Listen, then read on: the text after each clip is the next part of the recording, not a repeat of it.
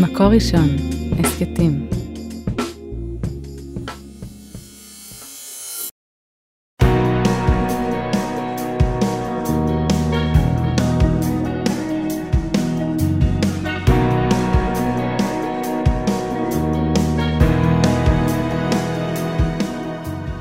שלום הרבנית חמוטל שובל. שלום הרבנית שירה מריני מירביס, פרשת שלח. כן, שלח לך מרגלים. אחת, אחת הפרשיות הכי קשות לי לקרוא, איך אה, מתחילים ככה בהתארגנות, יש תחושה שאו-טו-טו נכנסים לארץ, אורזים תיקים, שולחים מרגלים, ובום, איזו התרסקות. אה, כן, זה קשוח. זאת אומרת, שולחים אה, נציג אחד מכל שבט, הם נשלחים אה, לארץ, הם עושים שם סיבוב, הם מביאים אשכולות ענבים, הם עולים בהר ומסתובבים, ואז הם חוזרים. והם מוציאים את דיבת הארץ. הם אומרים, אנחנו לא יכולים לעלות, זה לא בשבילנו כל הסיפור הזה. ויש פה שבר נוראי, ויהושע וכלב אומרים, רגע, רגע, אפשר, אפשר לעלות, וזה לא עוזר, כי העשרה מרגלים, אה, קולם נשמע יותר חזק, וכולם בוכים, ואז יש עונש. הקדוש ברוך הוא מודיע על עונש של 40 שנות נדודים במדבר, ואז אומרים לו, לא, לא, לא, אנחנו יכולים לעלות, ומנסים לעשות שם איזו עלייה ככה. תיקון. תיקון, קוראים לזה אה, חטא המעפילים, שגם שם הם חוטפים. פרשה קשה ביותר. ממש קשה. כי היא מעלה המון שאלות. כן. בכלל, איך, איך כל הסיפור הזה יכל לקרות? וחשבתי הרבה על המושג הזה של, של השליחות, הרי הם נשלחו לבדוק מה קורה בארץ ו, ולתת איזושהי טעימה. אה, ממה שעם ישראל לא יכול לראות, אין גוגל מפס, לא מעלים רחפנים שמצלמים לאן הולכים, וכל מה שיש זה, זה את האנשים. דיווח חי. כן, ואני ורונן, אחרי שהתחתנו, נסענו להודו, אה, והיינו שם אה, חודש, ואחד הזיכרונות הכי יפים שלנו זה האנשים הטובים, השליחים שיש שם. יש שם גם שליחי חב"ד וגם שליחים שהם לא חב"דניקים, יש שם כל מיני בתים יהודיים למיניהם.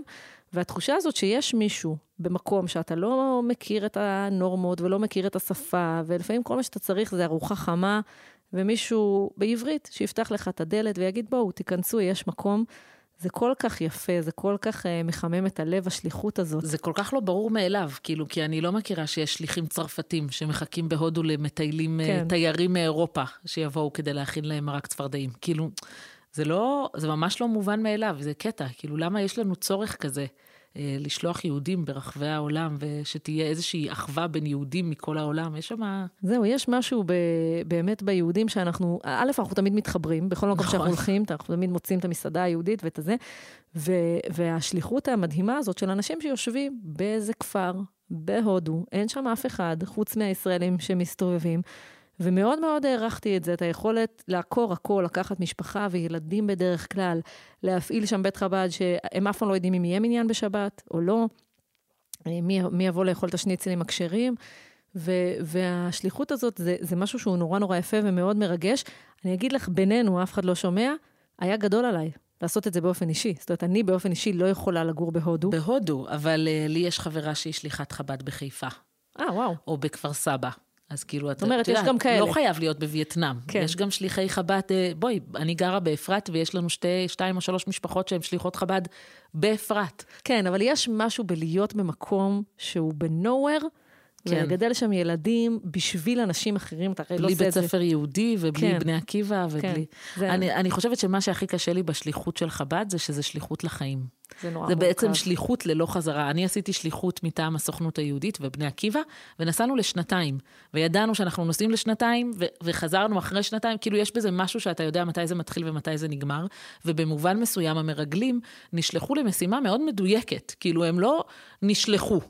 לארץ, לחיות בה, לחוות אותה, אלא הם נשלחו כדי ללכת ולתת דיווח ולחזור. וזה משהו כזה מאוד ממוקד ומאוד ספציפי. אז מה קרה שם שהכל מה, מה היה החטא הכל כך גדול שגרר לעונש כל כך כל כך קשה, ואני חושבת לאיזשהו צלקת שממשיכה ללוות את העם שלנו, במובן מסוים ש, שזה יושב עלינו, כאילו שהיה שם חטא מרגלים שהוא משמעותי בהיסטוריה שלנו. יש גם משהו מאוד מעניין, אני לא יודעת אם שמים לב, יש ממש תהליך של הכרזה, נכון? בוחרים איש אחד למטה. אה, תשלחו כל נשיא בהם. זאת אומרת, לא שולחים מישהו שמי פנוי באלנבי. כן. הייתה פה בחירה, ויש פה את השמות של כולם, לפי השבטים. אנחנו מקבלים את השמות האלה, הם, הם מאוד מאוד מפורסמים. ואם אלה האנשים שנבחרו, איך זה קרה להם? שבהתחלה כשמפרסמים את השמות, אתה אומר זה לכבוד. כן. כאילו הם הנשיאים, הם נבחרו ללכת, ואחר כך כשהכול מקבל תפנית כל כך רעה, אתה אומר, השמות האלו שמוזכרים בשמם, אולי זה, זה לא לכבוד, זה בדיוק להפך, זה נורא נורא מביך. אז יש ממש התלבטות בפרשנים, מה קרה לאנשים האלה? ואומר המדרש במדבר רבה, הוא אומר, הם היו צדיקים בפני ישראל ובפני משה. ולא רק זה, משה לא רצה לשלוח אה, על דעת עצמו, אז הוא נמלך בקדוש ברוך הוא על כל אחד ואחד, פלוני משבט פלוני וכולי, ואומר לו, הקדוש ברוך הוא ראויים הם. ואז מה קרה? אומר המדרש, הם התהפכו. הם היו בני אדם גדולים, הם היו הבני אדם הראויים, ועשו עצמם כסילים. זאת אומרת, הם כן היו הבחירה הטובה, אבל משהו השתנה שם בדרך, עליהם נאמר הפסוק, כי דור תהפוכות המה, שנתבררו צדיקים ונתהפכו להם. אני חושבת שהמדרש מלמד אותנו כאן משהו גדול. הוא אומר, אנחנו לא יכולים להתחמק ולהגיד, טוב, בחרו את האנשים הלא נכונים. זו הייתה בחירה לא טובה, אנשים... אם רק היינו בוחרים בדיוק. את האנשים הנכונים. לא, החטא פה לא היה, זה לא היה הבעיה בבחירה, הבחירה הייתה טובה, והחטא היה חטא. וואו, רבנו בחיי, הוא אומר, מרגלים ששלח משה, כסילים היו. ממש על פי, על פי המדרש הזה, הוא לוקח את המדרש של תנחומה ואומר... הפוך. הפוך, אבל הוא כן, הוא כן ממשיך את זה אחר כך, כאילו, והוא כן אומר אחר כך, דור תהפוכות הם הבנים לו אמון בהם. זאת אומרת, מלכתחילה משה אולי בחר את האנשים, כי, כי, כי הפסוק כותב שהם צדיקים. אנשים, הוא כן. חשב שהם צדיקים, הוא חשב שהם מענטש, הוא חשב שהם אנשים, אבל הם קלקלו שליחותם, כותב רבנו בחיי. ולכן הם חזרו רשעים. ולכן, אה, אה, אומר רבנו בחיי, מוציא דיבה הוא כסיל, משהוציאו דיבה, חזרו כסילים. שזה ממש קשה, זה קשוח נורא. זו אמירה קשוחה לומר שהם אה, הם, הם חזרו כסילים, הם חזרו בטיפשות כאילו. כן, זה מורכב מאוד. הגור אריה, הרב יהודה לייב, בן רבי בצלאל, שחי בפוזנה סביב שנת 1520, אה, אומר משהו קצת יותר מורכב. הוא אומר, באותה שעה כשרים היו. זאת אומרת, באמת, בהתחלה הכל היה בסדר. והיו שלוחיהם של רשעים, למדו עם מעשיהם ונעשים כמו המשלחים עצמם. הוא אומר, המינוי היה בסדר, אבל עם ישראל, שלא היה במקום טוב, השפיע עליהם, והם הבינו באיזה כיוון עם ישראל הולך, והם פשוט היו סוג של מראה למצב של עם ישראל, ולכן הם עשו את השליחות של עם ישראל, אבל לא הייתה בעיה בבחירה. עם ישראל ידע את מי הוא רוצה לשלוח, הוא שידר להם ככה אנרגיות, אולי מה הם רצו לשמוע, והשליחים פשוט נעשו חלק מהשולחים שלהם, משהו בהדדיות כזאת. וואי, אני ממש יכולה להזדהות עם זה שלפעמים אתה עומד מול אנשים והאווירה נורא נורא משפיעה על... כאילו, כשאני אומרת דבר תורה בבית כנסת, גם אם כתוב לי הכל מראש, ואני תמיד מכינה ועובדת על זה שעות, אבל יש משהו באנרגיה של האנשים שאתה עומד מולם, והאנרגיה שנמצאת, ככה הדבר תורה יוצא. כן. זאת אומרת, ואני לפעמים עומדת ואני בוכה שם מול הקהילה שלי, או לפעמים להפך, אני לא בוכה, למרות שהדברים שאני כותבת הם נורא נוגעים לי, או נורא קשים לי, ו- וזה נורא נורא משתנה, כי זה נורא תלוי מה האווירה שאתה סופג מהאנשים, ואז מה אתה מחזיר אליהם אחורה. זאת אומרת, יש שם איזשהו משהו הדדי שהולך וחוזר. ובעצם השאלה... השאלה זה האם, האם אנשים יכולים להשתנות, כי בעצם מה שהגור אריה אומר שמה, הוא אומר, הם, הם הלכו אנשים טובים, נכון? גם רבנו בחיי אומר את זה, וגם כן. המדרש תנחומה נראה לי רומז לזה במובן מסוים. הם היו אנשים, הפסוק כותב שמשה בחר נשיאים, הוא בחר אנשים, הוא בחר, כאילו, אנחנו לא מאשימים את משה בבחירה של האנשים, ובכל זאת הם חזרו כסילים. ובכל זאת הם עשו איזשהו משהו שהוא, שהוא יצא להם עקום, שהוא יצא להם לא נכון. אז, אז אנשים יכולים להשתנות. אנשים יכולים אה, להפוך את התכונה שלהם, או להשתנות, ב, ב, לשנות את המידות שלהם? אני חושבת שזו שאלה שהיא אפילו יותר רחבה. האם יש אנשים שהם טובים במהות, ויש אנשים שהם רעים במהות? לי יש תשובה על זה, אנחנו חולקות על זה. כן, אני יודעת שזה מאוד לא uh, פלורליסטי ו- ומודרני להגיד את זה, אבל אני חושבת שיש אנשים שהם לא, לא נולדו הכי טובים. אני אומרת את זה בהכי עדין שלי. וברור שהם יכולים להשתפר אה, ולעבוד על עצמם ולעשות עבודת המידות ולהגיע למקומות נפלאים. אבל יש אנשים באמת שזכו להיוולד עם לב טהור, הם לא יכולים לפגוע בזבוב, ולא כולם כאלה. לא, עם זה אני מסכימה. א', לא בגלל שאני פלורליסטית ומודרנית, אבל אני מסכימה עם זה שיש אנשים שנולדו עם איזה שהן מידות יותר אה, מעודנות או יותר מזוקקות, ועבודת המידות שלהם קלה להם יותר במובן הזה שהנקודת פתיחה שלהם היא אחרת. אני פשוט לא מבין, לא, לא מסכימה עם הצד השני. זאת אומרת, אני לא חושבת שיש אנשים שנולדו רעים. אה, יש אנשים שנולדו לתוך מציאות קשה, שהחיים לימדו אותם מגיל מאוד מאוד צעיר, התנהגויות מאוד מאוד לא טובות, או צלקות מאוד קשות בנפש, אה, ממש מר, מרמות העובר והלאה. כאילו, אני ממש מדברת פה על משהו אה, פריימי כזה, משהו מאוד מאוד, ו, ויכול להיות שזה משפיע. ואני לא חושבת, אני פשוט, מהניסיון חיים שלי, אני לא נתקלתי במישהו שהוא רע. אני נתקלתי באנשים ש, שמגיבים לא נכון לסיטואציה בעיניי, שהם לא צודקים בעיניי, שהם אה, אה, מגיבים לא נכון, לא יודעת, הרבה הרבה דברים, שהם עושים מעשים רעים, בטח. אבל האם יש נשמה רעה? ממש לא נראה לי.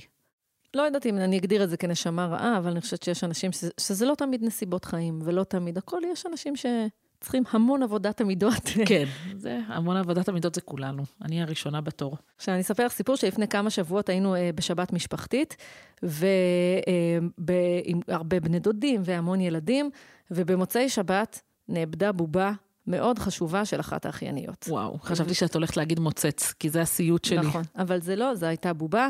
עשינו הבדלה, איפה הבובה, איפה הבובה, זה הייתה ברור לכולם איזה בובה, זו הייתה בובה ככה מאוד uh, שווה ומיוחדת וגם חדשה. אוי. ואת יודעת, אטרף של אריזות ו- ומקלחות ובלגן של מוצאי שבת, הבובה נעלמה מתחת לאדמה. עכשיו, באיזשהו שלב, הבת שלי בת שבע אמרה לי, אמא, זה אחותי הקטנה לקחה. הלכנו לקטנה, אמרנו לה, איפה הבובה? היא אומרת, לא, לא, לא, לא לקחתי, מה פתאום, מה פתאום? זה נשמע כמו יוסף שמחביא את הגביע אצל בנימין. כזה, כן. בקיצור, חיפשנו, חיפשנו, חיפשנו, אחרי חצי שעה נסענו כל איש לביתו. ואני, אל תספרו, אבל לא תמיד אני פורקת מזוודות מוצאי שבת, זה קשה אני לי. אף פעם לא פורקת מזוודות ישר, כן. יום ראשון בבוקר אני פורקת את המזוודות של הילדים. ומוצאת בובה. מוצאת את הבובה שהבת שלי לקחה, ואמרה לי בלי למצמץ, לא ראיתי את הבובה. ויש את השלב הזה של הילדות, שזה, ששקר הוא חלק מההתמודדות שלך, כי אתה מנסה את החיים. אתה בודק מה אפשר להגיד, איך המבוגרים יגיבו. כי אתה מפתח זהות מוסרית. כן. זהות מוסרית זה לא משהו שנולדים איתו, זה כן. לאט לאט אתה בונה את זה עם ההתבגרות שלך ועם התובנה שלך של איך נכון להתנהג ואיך לא נכון להתנהג. אז כשהיא חזרה מהגן, אמרתי לה, ממי, דיברנו מוצאי שבת, הבובה, וזה היה אצלך, במזוודה. מה היא אמרה? היא אמרה לי, כן, אני נורא רציתי בובה כזאת, וידעתי שאתם לא יודעים איך זה נראה. אז הבאתי לכם, שתראו. שתראו, שתדעי מה לקנות לי בחנות. בדיוק, כזה, ממש כזה. הילדה גאון. כן, מה, איך אומרים שקר ואיך אומרים אמת. ובואי נחזור לפרשה שלנו ולמרגלים, ויש פה דיון רגע, מה קורה? הרי הם, האם זה שקר? כן, הם נשלחו לראות את הארץ, נכון? והם חוזרים, והם אומרים, מה ראינו? זאת אומרת, הם בעצם חוזרים, ו- ובעצם מה הבעיה בשליחות? הם מספרים, באנו אל הארץ אשר שלחתנו, וזבת חלב היא, וזה פריה, ואז הם גם הופכים ואומרים אפס, זה הנקודת המפנה, אז העם היושב בארץ והערים בצורות. ועוד ועוד, אבל בעצם הייתה להם שליחות לתאר את הארץ, וזה מה שהם והם עושים. תיארו. אז באמת הרמב"ן אומר, הבעיה הייתה, או החטא שלהם היה, שהם פשוט שיקרו. אה, דע כי מוציא דיבה הוא כסיל, אשר יאמר שקר, אבל המגיד אמת יקרא מביא דיבה. והרמב"ן בעצם לומד את זה שהם שיקרו מתוך דקות בקריאה של הפסוקים. הוא אומר, הם לא הביאו דיבה, הם הוציאו דיבה. וכשמישהו מוציא דיבה... זה שקר. אה, זה שקר. כשמישהו מביא דיבה, כמו לדוגמה יוסף, שהביא דיבתם רעה, יוסף מביא דיבתם רעה, אבל הוא אמר, תיאר משהו שהוא אמיתי.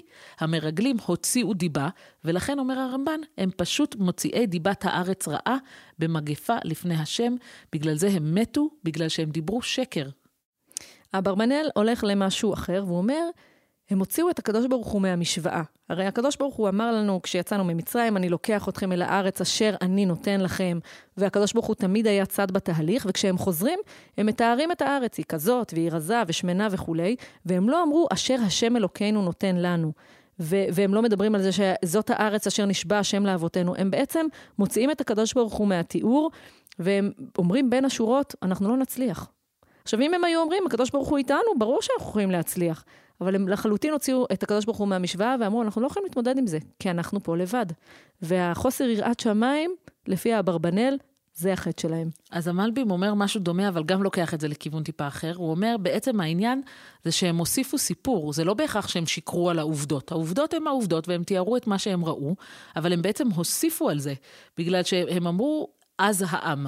זאת אומרת, כאילו הם הפכו את, ה, את הסיפור עובדות לאיזשהו סיפור של איך אנחנו מרגישים לגבי העובדות, זאת אומרת, לאיזושהי פרשנות שלהם, ואז, ואז כותב המלבים, זה שולל כל הטוב שראינו.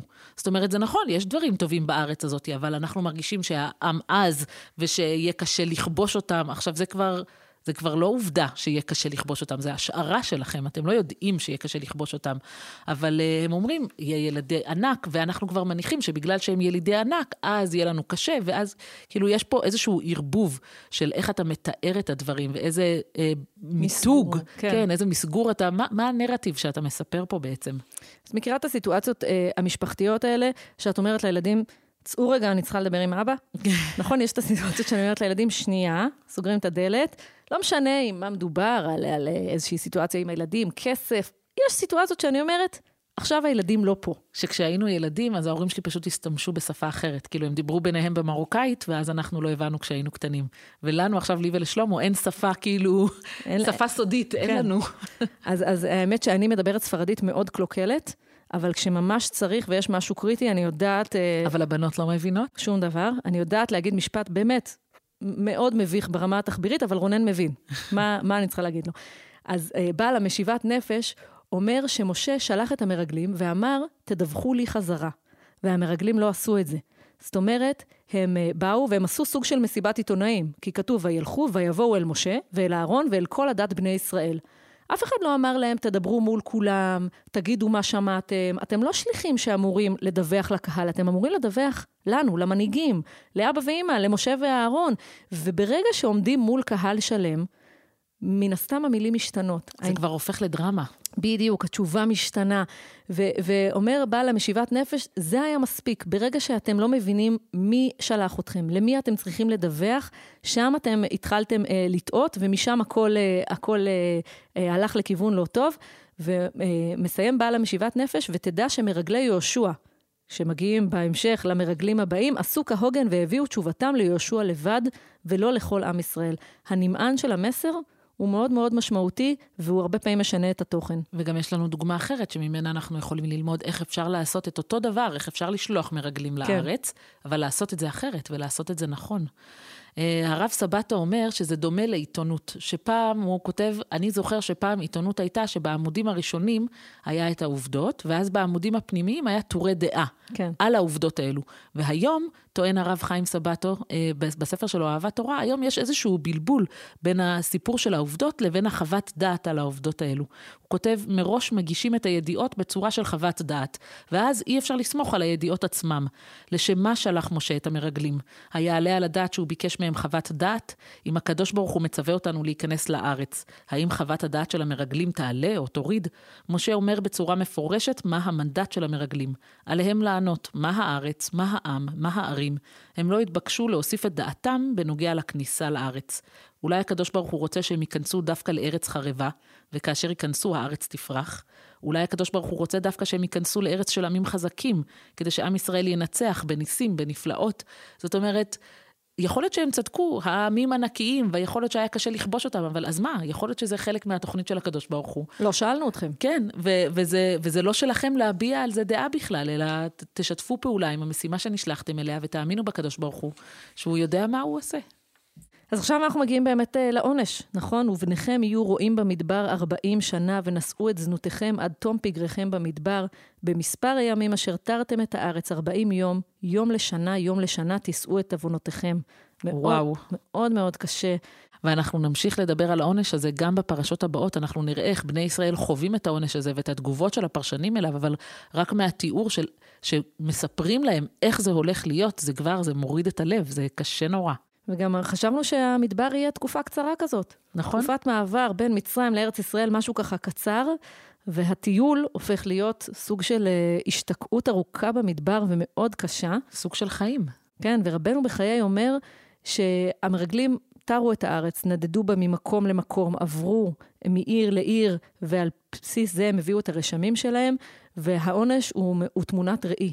אני מעניש אתכם וגוזר עליכם שתהיו מטולטלים במדבר, כמו, שמשהו בנוודות הזאת, בחוסר יציבות הזאת, כמו שאתם הסתובבתם לא טוב בארץ, ממקום למקום, העונש הוא להיות כל הזמן בתנודה. אני חושבת על זה, על מה זה שאין לך עוגן ואין לך יציבות. בית. וזה מאוד מאוד קשה. אני חושבת על זה שזה עונש כאילו אחד לאחד עם החטא. כן. כאילו יש פה משהו, זה מה שאתם עשיתם, וזה בעצם ממשיך להיות הדרך שלכם בחיים, אתם תמשיכו להיות לא יציבים. כן. זה נורא קשה. הרב מלמד, אה, בפניני ההלכה, הוא משווה בין חטא העגל לבין חטא המרגלים. והוא אומר שגם חטא העגל, נכון, זה דוגמה לחטא אה, בעם שלנו שהיה מאוד מאוד רציני וממשיך ללוות אותנו והיה לו עונש כבד, והוא ממשיך כאילו ללוות אותנו תודעתית, אבל יש הבדל משמעותי בין חטא העגל לבין חטא המרגלים, שבחטא העגל בעצם עם ישראל לא כפר בקדוש ברוך הוא. בחטא העגל הם אמרו, טוב, משה לא יורד, אנחנו רוצים קשר עם הקדוש ברוך הוא, בואו נעשה משהו שידמה אותו. אה, אבל לעומת זאת, בחטא המרגלים, הם כפרו ביכולתו של השם לפעול בעולם ולסייע להם לכבוש את הארץ. זאת אומרת, היה פה בחטא המרגלים כפירה בעצם קיומו של הקדוש ברוך הוא, או בקשר של הקדוש ברוך הוא לבין עם ישראל. הם בגדו בשליחות העיקרית שלשמה נברא העולם ונבחרו ישראל, לגלות שכינה בעולם, דרך ארץ ישראל, ועל כן לא נמחל עוון המרגלים. זאת אומרת, אחרי חטא העגל, הקדוש ברוך הוא סלח לישראל. אה, היה עונש לחלק מהעם שהשתתפו. וזהו, ובזה כאילו לכאורה זה, זה הסתיים. כן. וחטא המרגלים היה פה עונש כל כך כבד שליווה את כל הדור הזה, ובעצם הוא לא נמחל. על כל השותפים בחטא נגזר שימותו במדבר, ורק יהושע בן נון וכלב בן יפונוי שהתקוממו כנגד החוטאים, זכו להיכנס לארץ. אז אני חושבת ש, שיש פה דיון מאוד מאוד עמוק גם על... אה, הרבה פעמים אנחנו הולכים בשליחות מסוימת, אנחנו חושבים שנגיע לאלף, אנחנו מגיעים לבית, אה, ויכול להיות ש, ש, אפשר להשתנות, ואני לא חושבת שאי אפשר להשתנות, אבל אני חושבת שלכל אחד יש נקודת פתיחה אחרת. אבל אני חושבת שיש משהו מאוד מאוד מהותי אה, אה, בפרשה הזאת, שאומר לנו, למרות שזה באמת אחד החטאים הכי גדולים, אה, שמגדיר עכשיו את עם ישראל עשרות שנים קדימה, בסוף יש תיקון. זאת אומרת, אני מסתכלת דווקא על, אה, על יהושע וכלב, שעמדו מול השאר, ואמרו, רגע, אנחנו יכולים לעלות, הכל יהיה בסדר, והם נקודת האור שלי בפרשה הזאת. שאומר, כן. כן, יש פה אנשים שהרימו את עצמם ואמרו, למרות הסחף הזה, שכולם הרגישו כמה נורא, וכולם אומרים, אנחנו לא רוצים להיכנס, יש פה את יהושע וכלב שעומדים מולם, ואומרים, כן, אפשר לראות דברים אחרים, אפשר למסגר דברים אחרים, אפשר להיות שליחים נאמנים. וזה מעורר השראה, כי בעצם כולנו בחיים שלנו נתקלים במצבים של לחץ חברתי, בטח כשזה נעשה מול קהל, וזה דרמטי, וכולם בוכים, ויש כאילו, אני, אני מדמיינת שם כאילו סצנה מלאה, והיכולת הזאת היא להישאר נאמן לאמת שלך, ולבוא ולהגיד דברים שהם אחרים, גם במחיר אישי, כאילו שהעם לא מוכן לשמוע אותם בכלל, יוצאים עליהם, כאילו מתנגדים אליהם, אני חושבת שזה ממש מעורר השראה, אה, ושנזכה. ובסוף הם יגיעו לארץ. בסוף הם יגיעו, לארץ. לא הם ספציפית. כן, אבל העם, העם יגיע נכון. לארץ. אז, אז אנחנו נמשיך בטוב. ללוות אותם בפרשות הבאות, בעזרת השם. שבת שלום. שבת שלום. על ההקלטה והסאונד אוהד רובינשטיין, על ההפקה והעריכה יהודית טל, יאקי אפשטיין ועדי שלם רבינוביץ'. תודה רבה למאזינים. את הפרק הזה, כמו את שאר פרקי הסדרה והסכתים רבים נוספים, תוכלו למצוא באתר מקור ראשון, בשורת ההסכתים של מקור ראשון, בספוטיפיי, באפל מיוזיק וגם בגוגל.